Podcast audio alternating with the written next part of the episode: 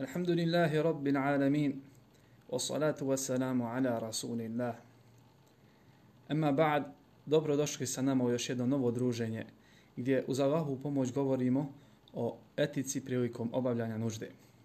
Može se neko zapitati zašto govorimo o ovom poglavlju? Pa ovo poglavlje je veoma bitno jer stvari koje ćemo naučiti ovdje mogu utjecati na ispravnost nečijeg namaza ili na njegovu neispravnost. Pa, na primjer, osoba koja se ne očisti ispravno ili koji se nikako ne očisti, ne znajući uopšte da se treba čistiti od nužde, to utječe na ispravnost njegovog namaza, jer smo rekli da je od uslova čistoće, odnosno od čistoće koja je uslov za ispravnost namaza, jeste da čovjek bude čist od stvarne nečistoće. A u to spada ono što izađe iz čovjeka prilikom obavljanja nužde. Pa je neophodno da naučimo koji si to edebi, koja je to etika prilikom obavljanja nužde da bi naš namaz bio ispravan. Jer neke stvari koje ćemo ovdje naučiti nužno se vežu za ispravnog namaza. Postavlja se pitanje zašto govorimo o ovom poglavlju baš na ovom mjestu. Pa govorimo o ovom poglavu prije abdesta zato što ono o čemu se govori u ovom poglavlju jeste obavljanje nužde, je razlog da čovjek izgubi abdest, pa da će ga onda morati uzeti. To jest, ovo većinom prethodi samom uzimanju abdesta. Isto tako, od stvari koje su neophodne, rekli smo da otklanjanje stvarnih nečistoća prethodi otklanjanju abstraktnih nečistoća. To jest, otklanjanje habetha prethodi otklanjanju hadetha. Tako ćemo u ovoj u ovom poglavlju govoriti o nekim vrstama otklanjanja habetha, stvarnih nečistoća, a u sljedećem poglavlju isto tako za Allahov pomoć opširnije ćemo govoriti o nečistoćama, njihovim vrstama i načima koje se otklanjaju. Pa ostanite sa nama da naučite mnoge stvari koje se vežu i koje je neophodno da muslima mora naučiti da bi znao kako islam traži od njega i kako Allah subhanahu wa ta'ala je propisao da se obavlja nužda. Ono što želimo naglasiti prije nego što krenemo sa samim poglavljem i govoru o stvarima koje se vežu za etiku prilikom obavljanja nužde jeste da šarijat postiče na čednost, a zabranjuje vulgarnost. Shodno tome, učenjanici su, kao što je poznato i u našem jeziku, I sam Allahu poslanik sallallahu alejhi ve sallam prije toga i samo u samom arapskom jeziku prisutni su izrazi koji su indirektno ukazuju na nešto što čije direktno spominjanje može spadati u vulgarnost. Pa od tih stvari je i ova stvar koja govorimo, pa kažemo obavljanje nužde. U arapskom jeziku, kao i u našem jeziku, imamo i direktni naziva koji se mogu upotrijebiti da bi opisao ove stvari. Ali, pošto šarijat postiđe na čednost i u samom govoru, a zabranjuje bestidnost i vulgarnost u samom govoru, potrebno je da je musliman, kada govori, da upotrebava izraze koji ne spadaju u te kategorije.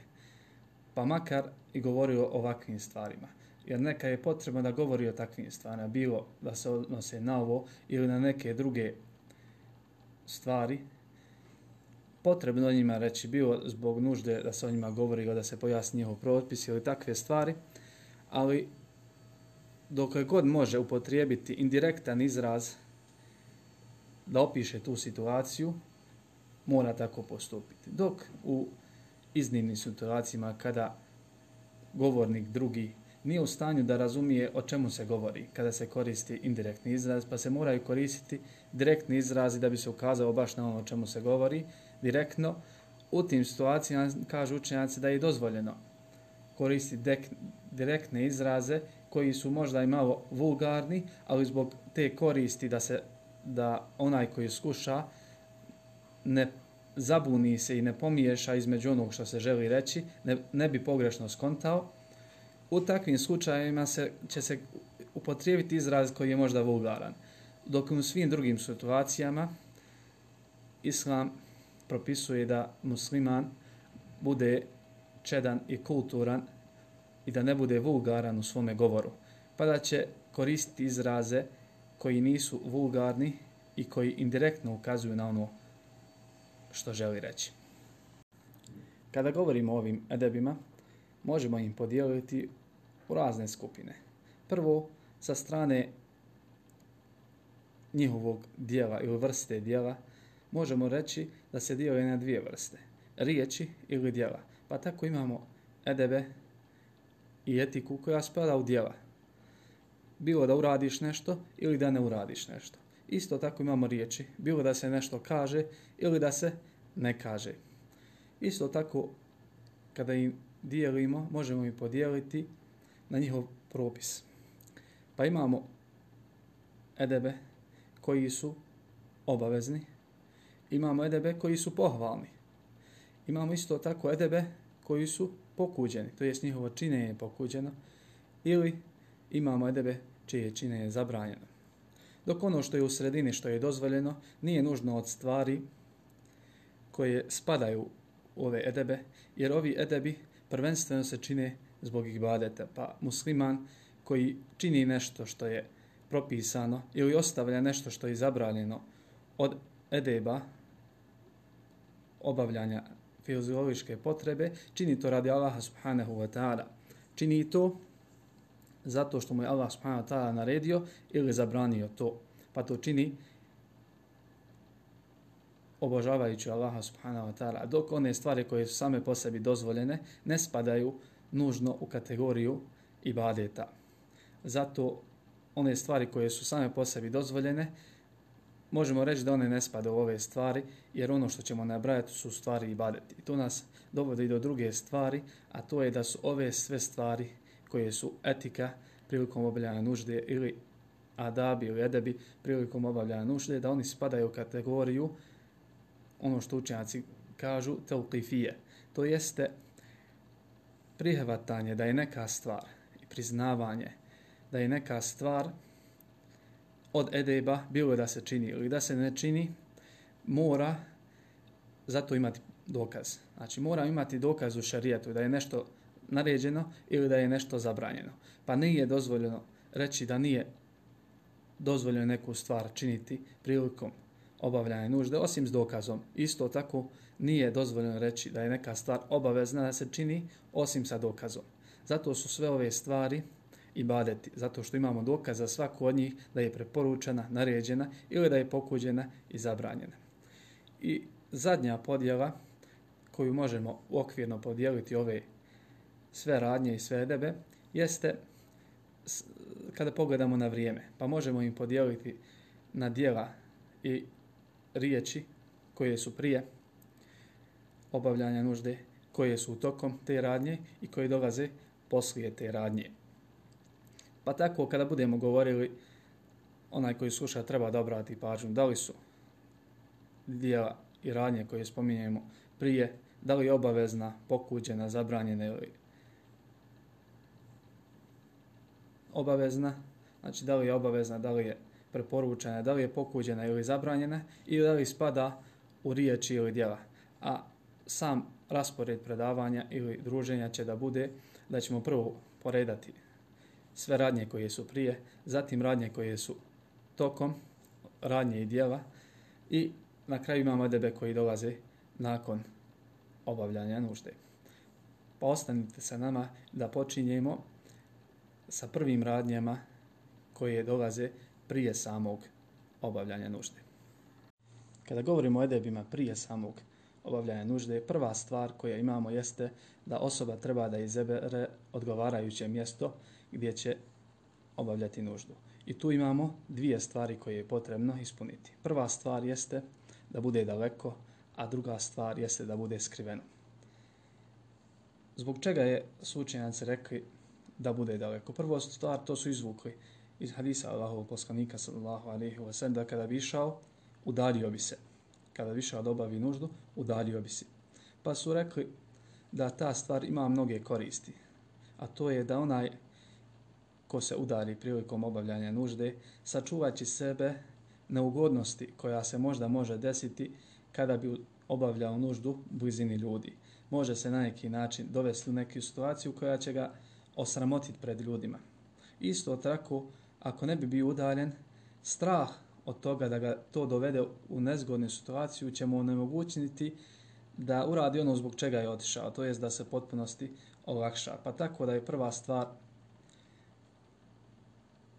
ono što treba uraditi jeste da se udalji od ljudi. Iako, ako nije moguće to izvesti da se udalji od ljudi, onda je dovoljno da ispuni ovu drugu stvar. Ako smatra ga to neće dovesti u neku neugodnost, dovoljno da ispuni ovu drugu stvar, a to je da bude skriveno. Činjenica da treba izabrati mjesto koje je skriveno, učenjaci vraćaju na to da je obaveza muslimanu da ne dopusti drugima da vide njegov avret. I to je jedno značenje u koje okazuje hadis gdje Allahu poslanik sallallahu alaihi wasallam prošao pored dva kabura i rekao je da se njih dvojca kažnjavaju. Pa je spomenuo razloga zbog koji se kažnjavaju i jedno značenje od onih onog drugog koji se kažnjava jeste da se nije sakrivao dok je činio dok je obavljao nuždu. Rekli smo prethodno da je jedno značenje da se nije čuvao od mokraće, to je se nije e, vodio pažnju od toga da se isprlja od te mokraće ili kada bi se isprljao ne bi se čistio. Dok od drugih značenja koje ovaj hadis ukazuje jeste da se nije sakrivao prilikom obavljanje nužde. Pa je ta stvar veoma bitna i nije dozvoljeno muslimanu da dopusti drugima da gledaju njegov avret, osim onog što je Allah subhanahu dozvolio osobama drugima da gledaju njegov avret, to je izuzetak. Dok svim drugim osobama nije dozvoljeno muslimu da, muslimanu da svjesno dopusti i da uzrokuje da drugi vide njegov avret. Pa shodno tome osoba koja se nalazi, koja će obavljati nuždu u WC-u koji je već izgrađen za to, je ispunila tu svrhu. Dok ako se nalazi na polju, može se zaštititi i sakriti i za raznih stvari. Bilo da se radi o zidu, drvetu, kamenu i slično tome. Čak ako nema ništa, može iskoristiti neke uvalije utonuće u zemlju da se spusti dole ili da se sa, sakrije iza nekih uzvisina ako ima. Dok ako ništa od toga nema, spominjali su učenjaci da je pohvalno da ponese nešto sa sobom da se zaštiti od pogleda ljudi. Ishodno to ne spominju hadis Enesa radijallahu ta'ala anu kaže da je on kada bi Allah poslanik sallallahu alaihi wa sallam išao da obavi nuždu, on i još jedan mladić poput njega nosili su Allahom poslaniku sallallahu alaihi wasallam štab, malo koplje i nosili su posudu sa vodom s kojom bi se očistio sallallahu alaihi wasallam. Pa su rekli učenjaci da ovo koplje koje su nosili, to jest nosili su ga u stvari da bi Allahov poslanik sallallahu alaihi wasallam između ostalog zabao ga, stavio na njega neko dio odjeće i time se zaklonio od pogleda ljudi dok obavlja fiziološku potrebu. Od stvari isto tako koje potpadaju pod ovo jeste da kada se udali već od ljudi, ako nema ništa, nikakve pregrade, neće skidati odjeću prije nego što se spusti ili kada se počne spuštati. Jer u situacijama, čak i kada se nalazi unutra, ali ako je moguće da slučajno nekoga vidi, treba se čuvati od toga da skida svoju odjeću da bude nag. Nego treba smanjiti i ograničiti maksimalno to vrijeme kada će biti bez odjeće. Pa će spustiti se ili početi se spustati tek onda otkriti svoj avret. Isto tako kada se bude opet oblačio, neće ustati pa onda se oblači, nego će pokušati da do trenutka kada već ustane da se potpunosti pokrije i da sakrije svoj avret. Jer smo već rekli da je obaveza muslimanu da sakrije svoj avret i zaštiti i ne dozvoli drugim ljudima da gledaju u njegovo stidno mjesto. Od sljedećih stvari koje treba uzeti u obzir prije obavljanja nužde, a to je da se izabere teren na kome će se obavljati nužda. I tu obuhvata uglavnom dvije stvari. Prvo jeste da ne bude tvrd i da ne bude nečist. Prva stvar tvrd zato što onaj ko obavlja nuždu na teren koji je sam poseb tvrd, ne može biti siguran od toga, odnosno velike su šanse da će se nešto od nečistoća vratiti na njega. Pa je u tom slučaju veoma pohvalno da se ne obavlja mala nužda stojeći, nego da se obavlja čučeći. Zbog toga što će to umanjiti šanse da, onaj, da se nešto od nečistoće vrati na njega i isprlja ga. Isto tako, ako je u mogućnost, na primjer, ako se radi o zemlji ili pijesku ili nekom materijalu koji je, može se malo razmekšati, pohvalno je to radi i da onda obavi nuždu na tom mjestu da bi to umanjilo mogućnost da se isprlja od toga. Dok ako ne može, nema mogućnosti da to može uraditi, kao na primjer da se radi o betonu, da se radi o keramiki ili keramici ili nekim materijalima koji danas se nalaze, koji su izrađeni, bilo WC šore ili čučarci, to su tvrdi materijali nema mogućnosti da se da se oni razmekšaju. U tom slučaju će veoma voditi računa prilikom obavljanja nužde da nešto od nečistoća se ne vrati na njega i tako ga isprlja i dovede u pitanje njegov namaz ako bude u takvoj situaciji klanjao.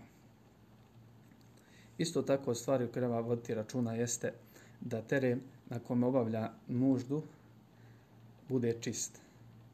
Jer teren koji je nečist će njega dodatno isprljati. Pa ako čučne da obavi nuždu, još će se, ako se i sačuva nečistoće koja će izaći iz njega, veoma su male šanse da se sačuva nečistoće koja se već nalazi na tom terenu. Pa su učenjaci rekli da će obavljati nuždu na nečistom terenu samo ako se nadi o mehkom terenu koji je nečist, obavit će tako malu nužu stojeći, dok u suprotnom slučaju neće obavljati nužu na tom terenu jer će se isprediti. Kao na to navode hadisa Allahov poslanika sallallahu alaihi wa sallam da je došao do smetlišta od njego, jednog naroda, od nekih ljudi, pa je tu izvršio malu nuždu stojeći. Pa kažu učenjaci da je ta podloga bila nečista, jer se radi o smetlištu. Pa u velikoj većini slučaja se radi o nečistoj, nečistom terenu. Pa je Allah poslanik sallallahu alaihi wa sallam obavio nuždu stojeći. Isto tako pravovladava mišljenje da je se radilo o mehkom terenu, to jest o terenu gdje se nečistoća nije vratila na njega. U suprotnom ne bi to uradio, jer da je se onečistio prilikom obavljanja nužde, ne bi radio to ili bi nas obavijestili da je, da je se očistio od toga nakon obavljanja nužde, a pošto se nije to desilo, nismo obavješteni to, znači da je teren bio mehak. Pa tako učenjaci kažu, ako se radi o nečistom terenu, pohvalno je da to, odnosno potrebno da je bude to samo mehak teren i da se obavlja nužda stojeći. Od stvari isto tako koje kažu učenjaci da uveliko ispunjavaju zahtjeve i stvari koje su ciljevi ovih stvara, to je da se sačuva, nuž, da se sačuva nečistoće, jeste da obavlja nuždu, pogotovo malu nuždu, na terenu koji je strm to jest ide nizbrdo, pa će ta nečistoća ići nizbrdo i dalje od njega, pa neće, neće biti okolo njega ili neće se vraćati na njega. Od stvari koje treba paziti isto tako jeste obavljanje, pogotovo male nužde, na mjestima koja su izložena vjetru. Pa treba se zaštititi od vjetra ili obavljati nuždu unutra, jer kao što je poznato, vjetar će uveliko uticati na to da se promijeni putanja nečistoće, pa će se uz veliku mogućnost dobar dio, ako ne mali, vratiti na njega i velike su šanse da se isprve, pa tako tu stvar treba uveliko izbjegavati. Od stvari isto tako koje se trebaju obaviti prilikom obavljanja nužde jeste da sa sebe odstrani sve stvari koje imaju Allahovo ime to jeste šta neće unositi unutra. Unutra WC ili na mjesto gdje hoće da obavlja nuždu, ako se radi o mjestu koje je napolje, dok obavlja nuždu, neće na sebi imati ništa što ima Allahovo ime ili Kur'an. To jeste, neće na, na sebu imati ispisano ništa od ono što je obaveza poštovati. Jer Allah subhanahu wa ta'ala kaže ذَلِكَ وَمَيُّ عَظِّمْ شَعِرَ اللَّهِ فَإِنَّهَا مِنْ تَقْوَ الْقُلُوبِ Kaže tako, onaj koji veliča Allahove znamenitosti, to je doista od znakova bogobojaznosti srca. Pa je Allah subhanahu wa ta'ala zbog bitnosti veličanja samog Allaha subhanahu wa ta'ala, to je prvi cilj, stavio da je od veličanja njega veličanje onoga što je kod Allaha subhanahu wa ta'ala veliko i njegove znamenitosti. A nema sumnje da je od najvećih Allahovi znamenitosti njegov govor. I ono u čemu je on upisan, a to je mushaf. I zatim sve druge stvari koje se veličaju Allaha subhanahu wa ta'ala, bilo da se radi o islamskim knjigama ili o, o prstenu gdje ima nešto daje taj Allahovih imena ili neka e, komad papira na koji ima nešto od toga ili tome slično, bilo neki odjevni predmet ili e, nakit na koji ima ispisano nešto od toga, ne ulazeći u propis oblačenja toga, sve te stvari treba ostraniti i ostaviti van mjesta gdje se obavlja nužda ili da sobom da na sebi nema ništa od toga u trenutku kada obavlja nuždu. Jer kao što ćemo kasnije reći, kada govorim, budemo govorili o propisu učenja Kur'ana ili činjenja zikra u samom unutrašnjosti WC, rećemo da to nije dozvoljeno. Pa kao što nije dozvoljeno izgovarati, nije dozvoljeno ni unositi u takvo mjesto nešto, nešto što ima Allahovo ime ili Allahov govor. Jer je obaveza Allaha subhanahu wa ta'ala veličati, a ne priliči da takve vrijedne i bitne stvari unosimo u takvo nečisto i prljavo mjesto. Ili da im sa sobom imamo u trenutku kada činimo takvu neku radnju koja nije pohvalna i od koje se ne rastavlja, koju, uz koju se podrazumijeva nečistoća pa nije lijepo i nije pohvalno da se takve stvari imaju u sebe. I učenjaci su spominjali neke izuzetke, a to je da se osoba boji da ako ostavi tu stvar napolja će je neko uzeti. O takvih stvari u takvim slučajima izuzeli su i rekli su da je dozvoljeno i da nema pokuđenost unijeti takve stvari. Na primjer, u nekim državama danas na novcu, papirnom novcu imamo ispisane neke ili Allahova imena ili bismil ili šehadet ili neke slične stvari gdje ima Allahova ime.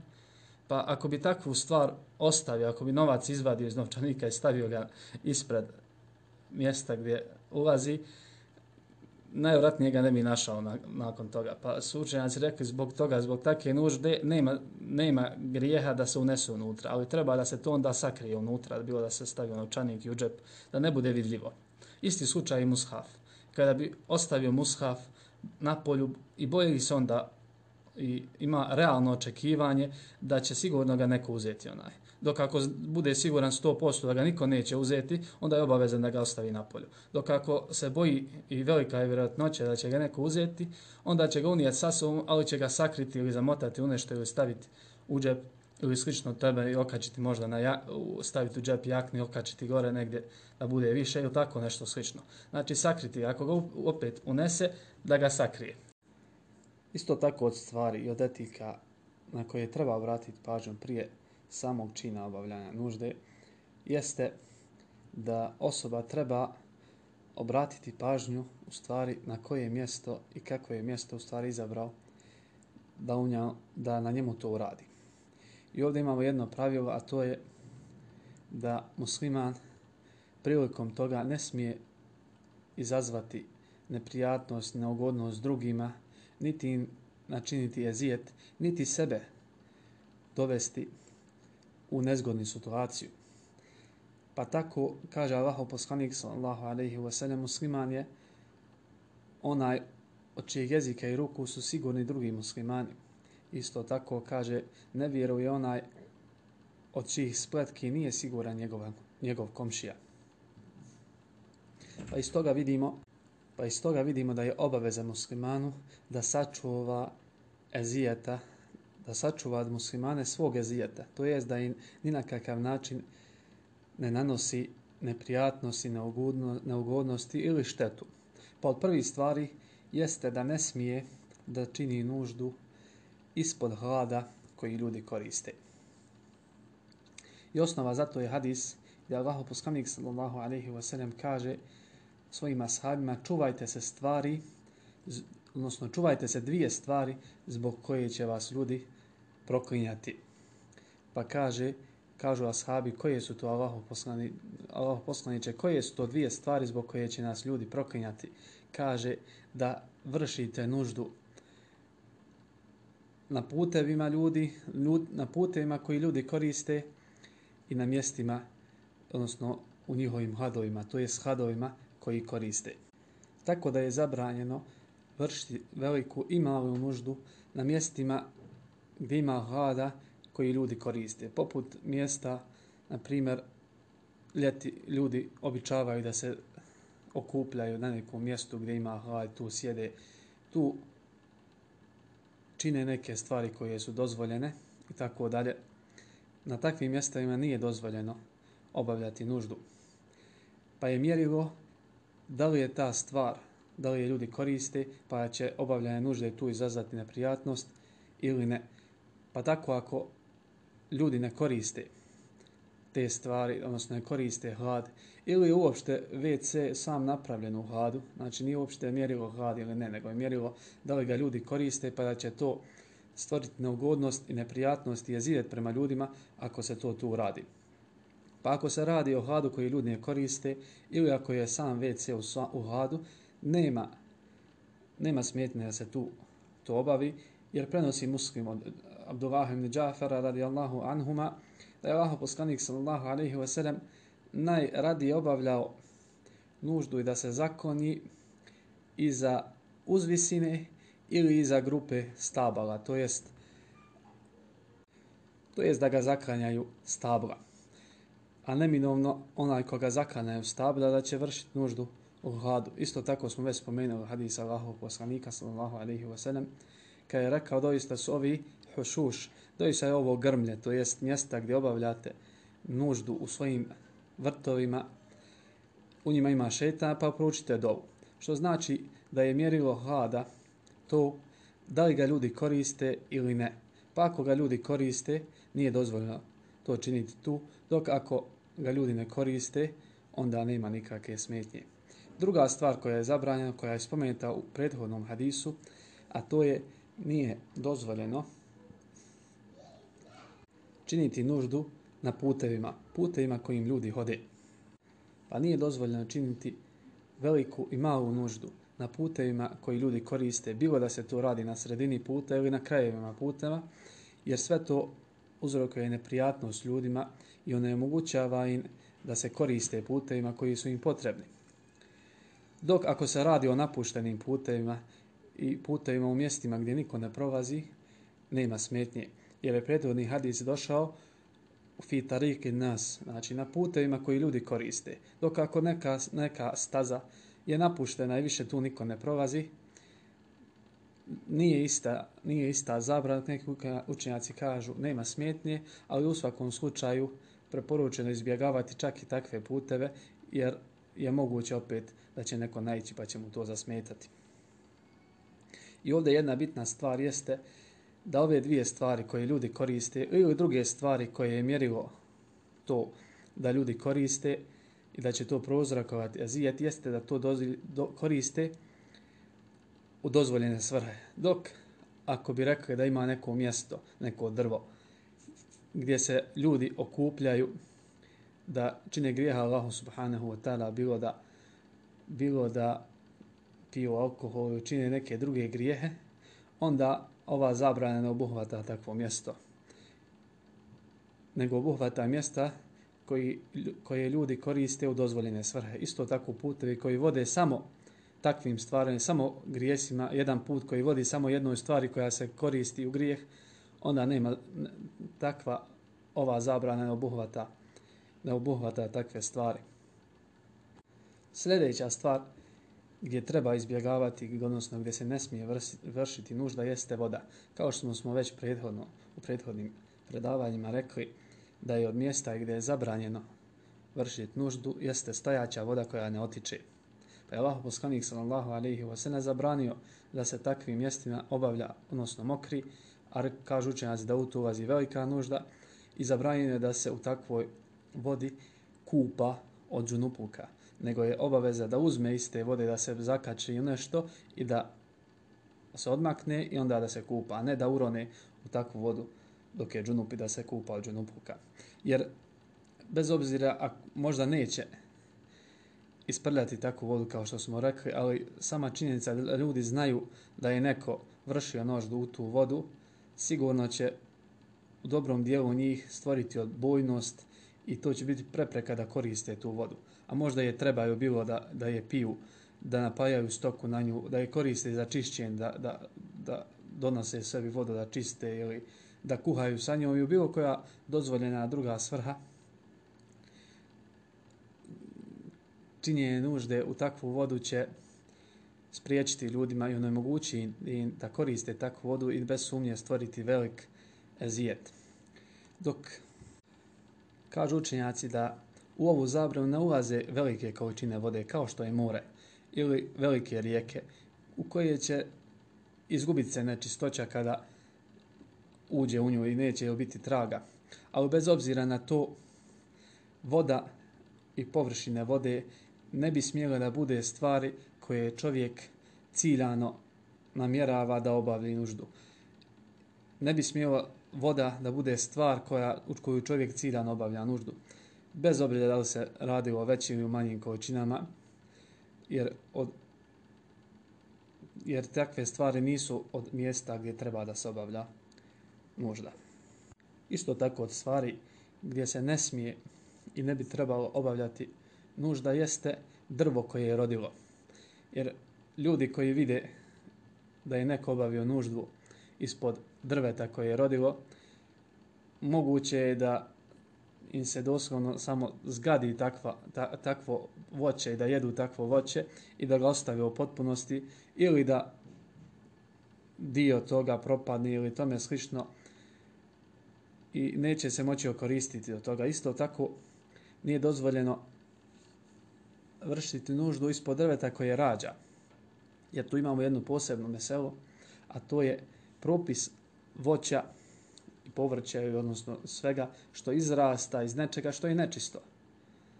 I tu su učenjaci podijelili na dva mišljenja, ali ne, nije nam ciljan ovdje da rešavamo tu meselu, nego ima učenjaka koji su rekli da u svakom slučaju drvo ili biljka koja raste napajajući se iz nečistoće, nije dozvoljeno jesti njezine plodove. Pa će, ako bi slučajno vlasnik to drveta smatra ovo mišljenje ispravnim, onaj ko učini ovu stvar i učini nuždu i olakša se u blizini tog drveta, upropastit će mu čitave plodove, jer će on ostaviti sve te plodove, smatrajući da su oni nečisti i da ih ne smije više koristiti. To će bez sumnje prouzrokovati veliku neprijatnost i veliku štetu drugom muslimanu. Tako da to stvar nije, da je to stvar koju nije dozvoljeno činiti. Sljedeća stvar koju spominju učenjaci gdje nije dozvoljeno vršiti nuždu jesu procijepi i rupe u zemlji. Oko toga se navodi jedan hadis koji učenjaci se podijeli da li je vjerodostojan ili nije. Ali učenjaci isto tako navode drugo, drugu stvar ili jedno pravilo na koje se vraća ova zabrana, to je da muslimanu nije dozvoljeno da šteti drugim stvarima, niti mu je dozvoljeno da prouzrokuje štetu sam sebi. Šta se ovdje znači? Kažu učenjaci da je veoma često da takve stvari, rupe i procijepe u zemlji, u njima žive druge životinje ili kažu moguće da čak u njima ima džina ili može biti da u njima ima i otrovnih životinja.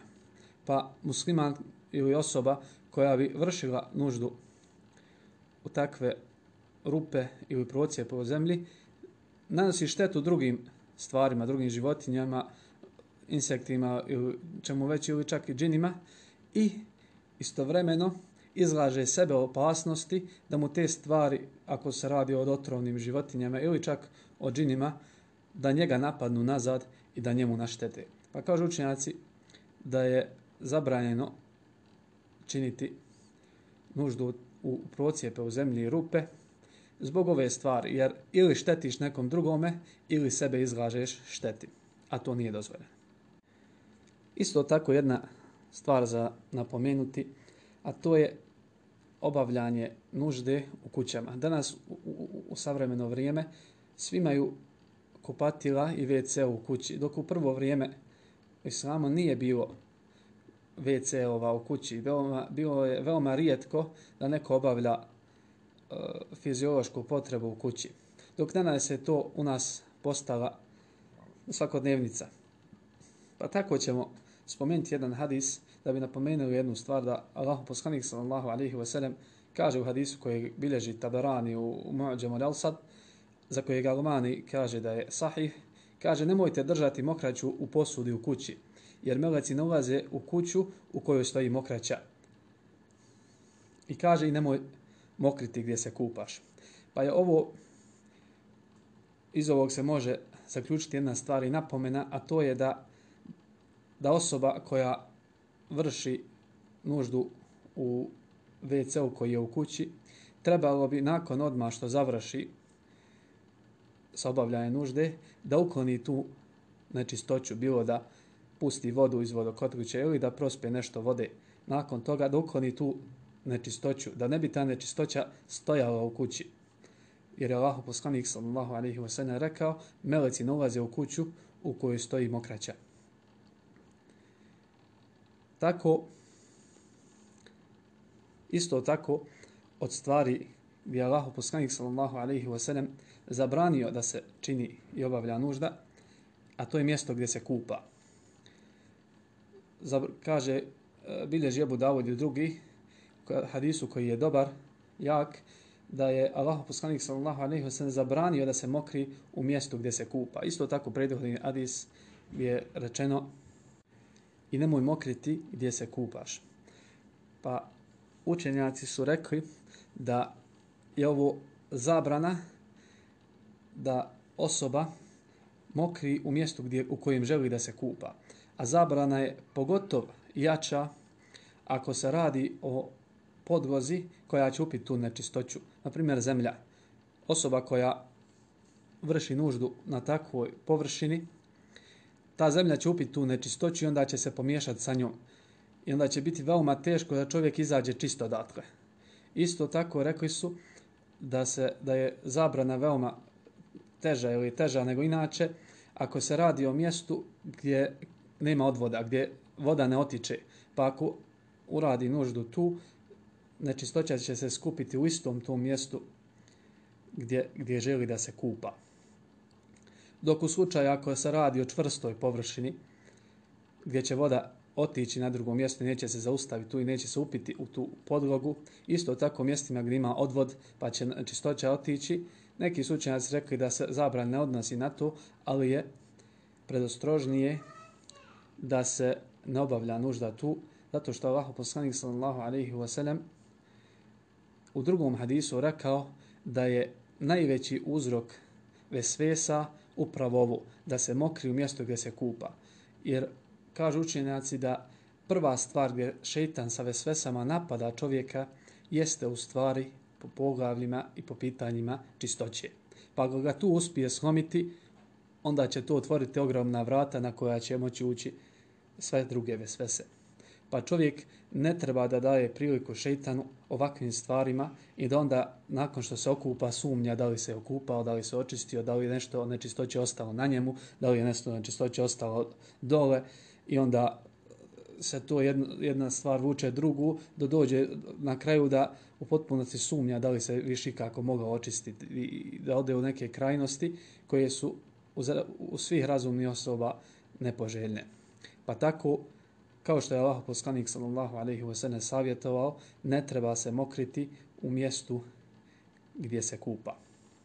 I time su završene ove stvari u mjesta gdje, se, gdje je zabranjeno da se čovjek da čovjek obavlja nuždu. Tako da se ove stvari vrte oko dvije stvari, a to je prva da nije dozvoljeno činiti jezijet drugima, drugi ometati, proizvoditi neugodnost drugima, pa sve stvari koje smo spomenuli ili koje nismo spomenuli, koje imaju ovu stvar, u sebi nije dozvoljeno na takvim mjestima obavljati nuždu. Isto tako sve stvari koje ili mjesta gdje čovjek sam sebe izlaže opasnosti, nije dozvoljeno na takvim mjestima da obavlja nuždu bilo od stvari koje smo spomenuli i od stvari koje nismo spomenuli. Isto tako od adaba koji prethode činu o kome govorimo jeste da osoba treba proučiti dovu prije nego što uđe u mjesto gdje će obavljati nuždu. Pa ako se radi o mjestu koje je pripremljeno za obavljanje nužde, kao što je WC i kupatilo, proučit će ovu dovu prije nego što uđe, da ne bi se desilo da spominja Allaha subhanahu wa ta'ala unutar takvog mjesta. Dok ako radi, dok ako će činiti tu stvar na otvorenom mjestu ili negdje na polju, onda će proučiti ovu dovu prije nego što otkrije svoj avret. Pa tako prenose Buharija Muslim od Enesa radi Allahu ta'ala kaže kana Rasulullah sallallahu alaihi wa sallam إذا دخل الخلاء يقول اللهم إني أعوذ بك من الخبث من الخبث والخبائث kaže Allahov poslanik sallallahu alejhi ve sellem bi običavao kada hoće da uđe u mjesto gdje obavlja nuždu, pa ovo kane u arapskom jeziku ukazuje na ustrajnost u činjenju nečega. Pa kaže kane i da dehale al hala. Znači ustravao je u tome da kada hoće da uđe u mjesto gdje obavlja nuždu, izgovorio bi ove riječi. I ove riječi znače Allahumme, o Allahu, to jest ova riječ Allahumme je zamjenica od riječi ja Allah. Zna, ima isto značenje. Pa Allahume znači o Allah, to jest dozivam te gospodaru moj. A ne znači ono što se često u nas prevodi Allahu moj nego znači o Allahu, to jest dozivam te. Inni a'udhu bike, ja se tebi utičem. I ovo je od jedna od osobina istinskog muslimana, a to je da u svim stvarima od kojih se boji i od kojih strahuje će ga nešto zadesiti, traži zaštitu samo kod Allaha subhanahu wa ta'ala. I prva stvar koja se u njegovom srcu pojavi kada se kada bude izložen nekoj opasnosti ili pomosti na neku opasnost, jeste da se sjeti Allahove zaštite i da se sjeti da traži zaštitu Allaha subhanahu wa ta'ala i da bude Allah subhanahu wa ta'ala prvi koji će koga će se sjetiti kada mu treba pomoć i kada mu treba zaštita. Dok ako se radi o stvarima koje stvorenja ljudi mogu pomoći mu, ga mogu zaštititi, dozvoljeno je tražiti o takvim stvarima i pomoć i zaštitu od ljudi. Ali ovo je veoma bitna stvar da musliman prvobitno sve mora tražiti Allaha subhanahu wa ta'ala i da Allah subhanahu wa ta'ala bude prvi onaj od koga će on tražiti zaštitu i pomoć. I kada se sjeti ovakvih situacija, da bude Allah subhanahu wa ta'ala jedini koji će mu pasti na pamet da od njega treba tražiti pomoć. A da ne bude suprotno da se sjeti svih od koga bi mogao zatražiti i koga bi mogao dozvati u pomoći zatražiti zaštitu osim Allaha subhanahu wa ta'ala. Molim Allaha subhanahu wa ta'ala da nas sačuva tako afleta i nemara prema Allahovim pravima. Pa je musliman onaj koji traži zaštitu i pomoć i sve od Allaha subhanahu wa ta'ala. Pa kaže Allahu, o Allahu, ja se tebi utičem minel hubethi wal habaith. Rivajeti došli su na dva značenja. Prvo značenje jeste ovako kako je došlo i to je obuhvatnije značenje i jače po samim e, kada se gledaju sami rivajeti zastupljenije je i vjerodostojnije ovo, ova opcija, a to je da prvu riječ izgovori sa na ha da bude damma, a na ba da bude sukun, pa kaže hubethi wal habaith.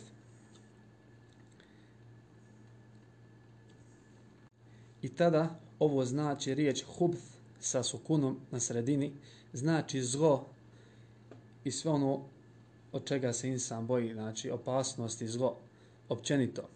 A habajth znači oni koji nose to zlo i oni koji štete ljudima. Pa bi se u ovom slučaju od Allaha subhanahu wa ta'ala tražio zaštitu i uticao mu se od svakog zla općenito i svih onih koji donose zlo i opasnost. Pa je ovo općenitije značenje. Ali da se vratimo, zbog čega bi tražio zaštitu od zla i onih koji nanose zlo prilikom ulaska u ovakva mjesta? Pa kaže Allah, poslanik sallallahu alaihi wa sallam, u drugoj predaji, kaže doista od ta, takva mjesta, to jest mjesta gdje se obavlja nužda, kaže in hadihi hušuš, doista ovi grmovi, doslovno prevedeno, to jest vrtovi gdje su oni od mjesta gdje su obavljali nužde, jeste bio i vrt, pa su imali određena mjesta u vrtu gdje bi obavljali nuždu, pa je rekao Allah, poslanik sallallahu alaihi wa sallam, doista ovi grmovi gdje obavljate nuždu, to jest oni njima borave šeitani. Pa kada neko od vas uđe tu, neka kaže, pa je ponovio ovu dovu. To jeste, tražiš se od Allaha subhanahu wa ta'ala zaštita od svakog zla i oni koji ga nose, zato što na takvim mjestima borave šeitani. Dok druga opcija i drugi rvajet ovog, ovog hadisa, koji smo rekli da je slabiji po značenju i slabiji po samoj jačini rivajeta, a to je da obje riječi, odnosno da u riječi hubth budu na oba prva slova na ha i na ba da budu damme, pa kažeš hubuth. A u tom slučaju to je množina riječ habith, a to je šeitan. A riječ habaith bi se odnosilo na šeitanice, pa u ovoj drugoj opciji tražio bi zaštitu Allaha subhanahu wa ta'ala od muških i ženskih šeitana a ne bi tražio općenito, to jest tražio bi Allaha subhanahu wa ta'ala zaštitu od onih koji nanose zlo, a ne bi tražio od samog zla i od drugih stvari, pa je prva opcija, kao što smo rekli, šireg značenja i jače sa strane hadisa. Isto tako od drugih stvari koje ove učenjaci govore jeste da će prije nego što uđe ili inače prije nego što skida svoju odjeću reći, reći bismillah jer je došlo u predaji da je Allaho poslanik sallallahu alaihi wa sallam rekao doista je pregrada i zaštita između avreta ljudi i šetanskog pogleda da kada neko hoće da skine odjeću da kaže bismillah. Pa musliman prije nego što skida svoju odjeću inače, a i u ovoj situaciji reći će bismillah. Pa isto tako i bismillah treba izgovoriti prije nego što uđe u WC ili prije nego što krene skidati svoju odjeću ako hoće da obavlja nuždu negdje vani. I pojačava ovo značenje da obje stvari ove treba reći, predaja koju spominje Ibn Hajar u Fethu i kaže da je vjerodostoja, da je Allahu poslanik sallallahu alaihi wa sallam spoji obje ove stvari u spomenutoj dovi, da je prije nego što je ušao u WC, spoji obje dove, ove dove pa je rekao Bismillah, Allahume inni a'udhu bike minel hubthi wal habaif. Tako da je ovo dova koju će reći prije nego što uđe u WC. Bismillah, Allahume inni a'udhu bike minel hubthi wal habaif. I ova se dova izgovara prije samog ulaska u WC. Dok ako imamo, na primjer, kao što je slučaj, javnih WC-a ili nekih WC-a gdje imaju kupatila zajedno, gdje imamo prvo jednu prostoriju gdje se nalaze bilo umirovljenici, česme ili slično tome i zatim imamo zasebne prostorije ili odjeljke koji služe kao WC ili gdje se obavlja nužda. Pa ondje gdje treba proučiti ovu dovu jeste prije nego što se uđe u mjesta gdje se u stvari vrši ta radnja. Pa bi bilo dozvoljeno da prouči ovu dovu u prostoriji gdje se nalaze česme i umivolnici.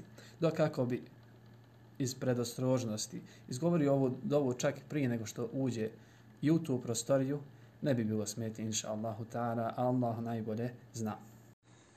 Od stvari i adaba o kojim se treba voditi računa prije samog obavljanja nužde jeste da se u nužnik, ako se radi o mjestu koje je pripremljeno koje je pripremljeno za obavljanje nužde da se ne ulazi desnom nogom.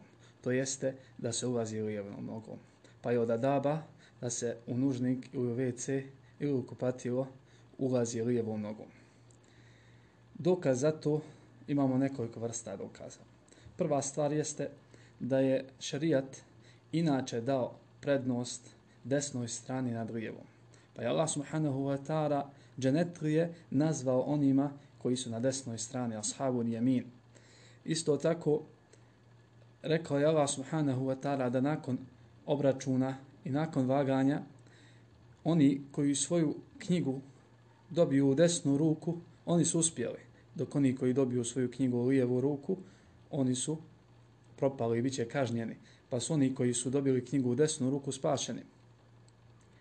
Drugo, hadis koji prenosi Buharija i Muslim, od Aisha radijallahu ta'ala anha, koji ukazuje da je Allah poslanik sallallahu alaihi wa sallam volio da koristi desnu ruku u sve lijepe stvari. Pa je rekao Aisha radijallahu ta'ala anha kaže Allahu poslanik sallallahu alaihi wa sallam volio je da počinje sa desnom stranom prilikom abdesta, to je čišćenja, prilikom češljanja, obuvanja, kao i svim drugim stvarima. Pa je Allaho poslanik sallallahu alaihi wa sallam davao prednost desnoj strani u svim lijepim stvarima. Pa je kada bi se obuvao, obuvao prvo desnu nogu, kada bi se češljao, počinjao bi s desnom stranom, kada bi se abdestio, prvo bi pravo desnu stranu, u slučaju da imamo dva uda kao što su noge i ruke. Isto tako, hadis koji prenosi Buhari od Ebu Hreire radijallahu ta'ana da je Allah poslanik sallallahu alaihi wa sallam rekao kada se neko obuva neka krene sa desnom, a kada se izuva neka krene sa lijevom da bi desna bila prva obuvena, a zadnja izuvena. Tako kaže Allahu poslanik sallallahu alaihi ve Iz Istoga učen, islamski učenjaci izvlače jedno pravilo, a to je da stvari u koje podjednako ulaze desna i lijeva strana, znači može se početi i desnom i lijevom, šerijat daje prednost desnoj strani. Pa stvari kao što su obuvanje, oblačenje, čišćenje, odnosno češ, češljanje, uzimanje abdesta i sve takve stvari inače koje se rade, ako se može raditi u istom trenutku bez ikakve smetnje da može se početi desnom ili lijevom, šarija daje prednost desnoj strani i kaže da je u tom slučaju bolje krenuti s desnom stranom. Pa iz ovog pravila, iz ovih dokaza vidimo da šerija daje prednost desnoj strani da se sa njom počinje u lijepim stvarima.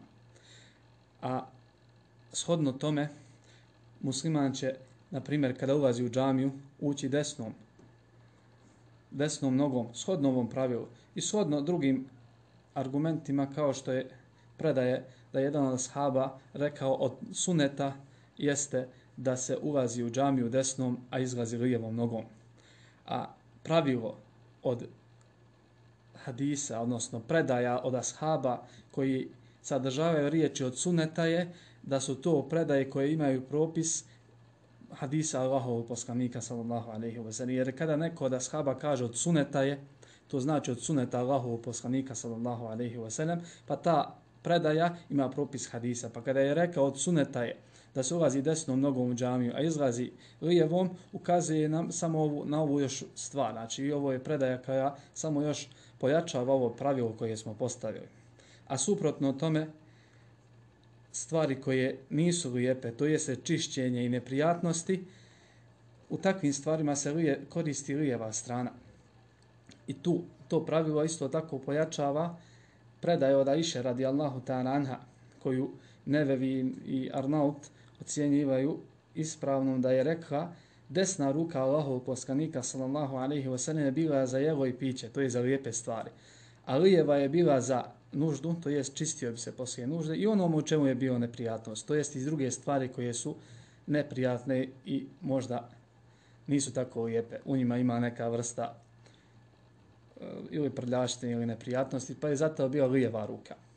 Shodno tome svim ovim argumentima kažemo da u WC se ulazi lijevom nogom. I ovo je stvari koje su pohvalne. Znači, pohvalni stvari jeste ući u WC lijevom nogom, a nije nužno grije ući desnom nogom. Allah najbolje zna. I ovim stvarima kojim smo spomenuli, a ovo je svetika koja se veže ili koja prethodi samom obavljanju nužde i tu ćemo što se tiče govog druženja stati, pa ćemo u sljedećem druženju, ako Bog da, govoriti o etici koja se veže za sam čin činjenja ili obavljanja nužde i ono što se veže za poslije. Pa, inša Allahu ta'ala, čujemo se opet.